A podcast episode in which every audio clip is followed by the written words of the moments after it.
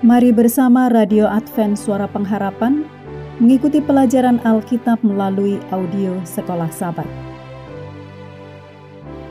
Selanjutnya kita masuk untuk pelajaran ke-6, periode 4 Februari sampai 10 Februari. Judulnya Menyimpan Harta di Surga. Mari kita mulai dengan doa singkat yang didasarkan dari Matius 6 ayat 20. Tetapi kumpulkanlah bagimu harta di sorga. Di sorga ngengat dan karat tidak merusakannya, dan pencuri tidak membongkar serta mencurinya. Amin.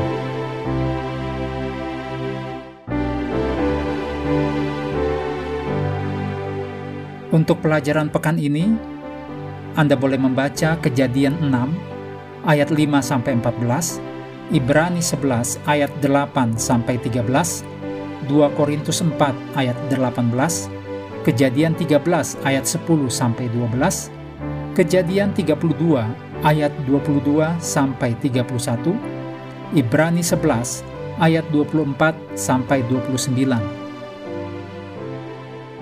Ayat hafalan dalam Markus 8 ayat 36 dan 37. Apa gunanya seorang memperoleh seluruh dunia, tetapi ia kehilangan nyawanya?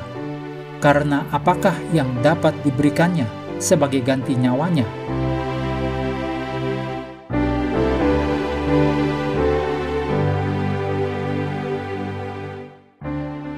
Yesus memberikan kepada kita strategi berinvestasi terbaik di dunia manakala ia berkata di dalam Matius 6 ayat 19 dan 20, Janganlah kamu mengumpulkan harta di bumi, di bumi ngengat dan karat merusakannya, dan pencuri membongkar serta mencurinya. Tetapi kumpulkanlah bagimu harta di sorga. Di sorga ngengat dan karat tidak merusakannya, dan pencuri tidak membongkar serta mencurinya.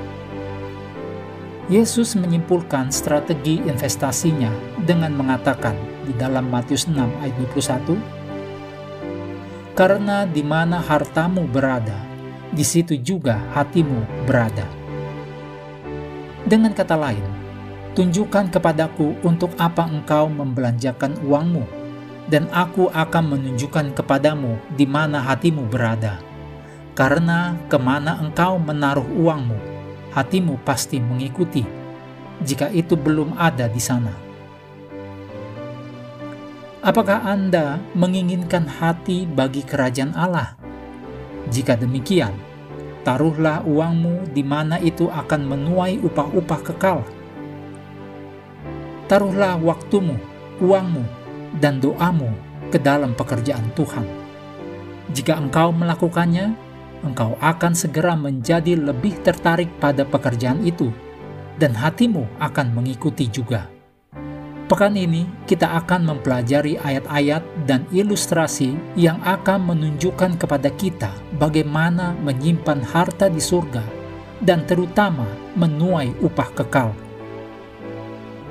Kami terus mendorong Anda untuk mengambil waktu bersekutu dengan Tuhan setiap hari bersama dengan seluruh anggota keluarga baik melalui renungan harian, pelajaran sekolah sahabat, juga bacaan Alkitab sedunia percayalah kepada nabi-nabinya, yang untuk hari ini melanjutkan dari 2 Tawarikh pasal 20. Tuhan memberkati kita semua. thank you